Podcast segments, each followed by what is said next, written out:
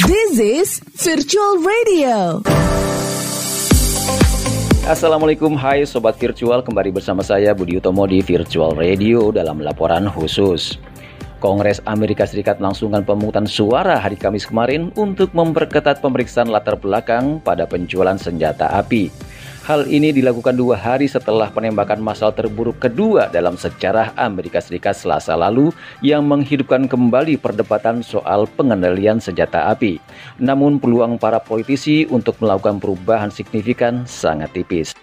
Rekan saya Eva Mazrieva melaporkan langsung dari VOA Washington DC. Silakan Eva.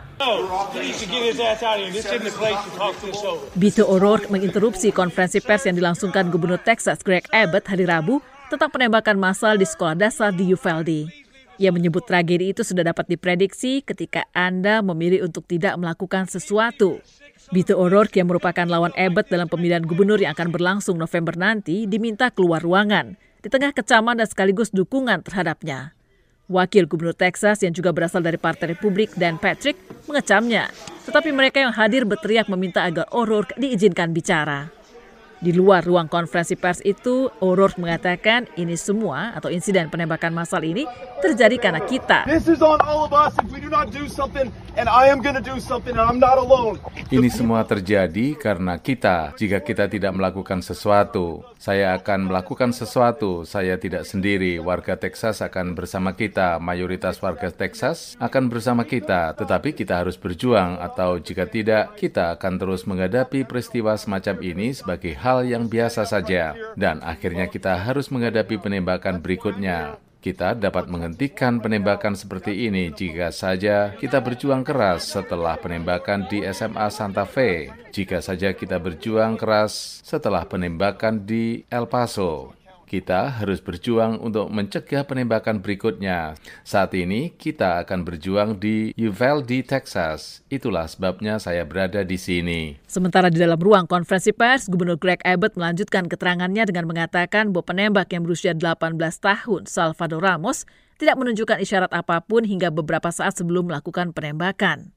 Abbott menyerukan layanan kesehatan mental yang lebih besar dibanding mempersoalkan undang-undang kepemilikan senjata api yang lebih ketat. I hate to say this, but there are more people who were shot every weekend in Chicago than there are in schools in Texas. Saya tidak suka mengatakan hal ini, tetapi ada lebih banyak orang yang tewas ditembak setiap minggu di Chicago dibandingkan yang tewas ditembak di sekolah-sekolah di Texas. Orang-orang yang mengira bahwa dengan memperlakukan undang-undang kepemilikan senjata api yang lebih ketat, maka akan menyelesaikan persoalan ini. Mereka harus menyadari bahwa Chicago, Los Angeles, dan New York tidak menunjukkan hal itu.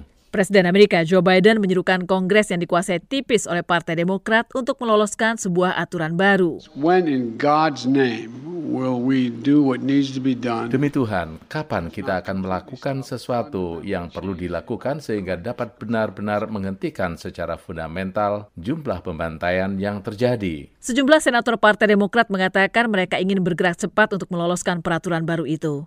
Pemimpin mayoritas Senat Chuck Schumer mengatakan, America's gun epidemic is unmatched by any of our peer nations in the world. Epidemi senjata di Amerika tidak tertandingi oleh negara-negara mitra kita di dunia. Tidak ada orang Amerika yang aman dari senjata api, dan rakyat telah lelah dan muak karenanya. Tetapi banyak pihak menyadari langkah semacam ini sebelumnya kerap terhenti. Senator Chris Murphy dari negara bagian Connecticut mengatakan,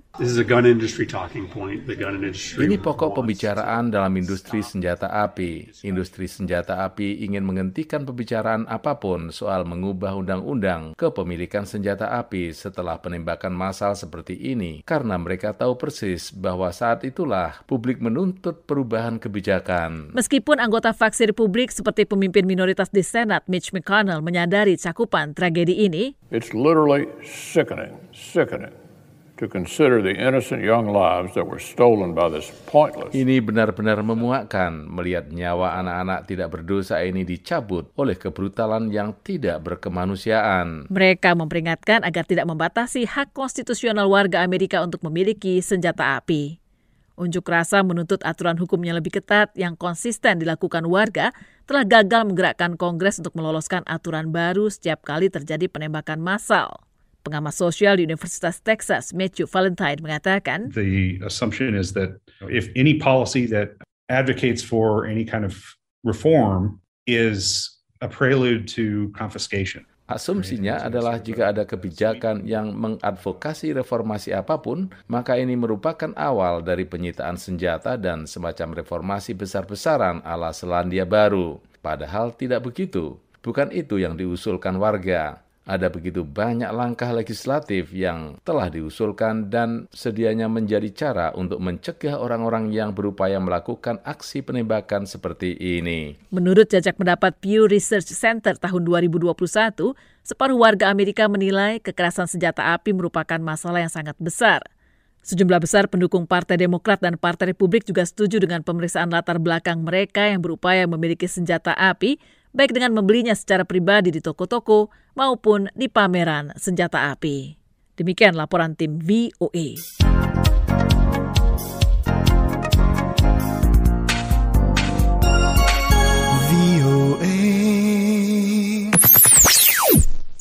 This is Virtual Radio.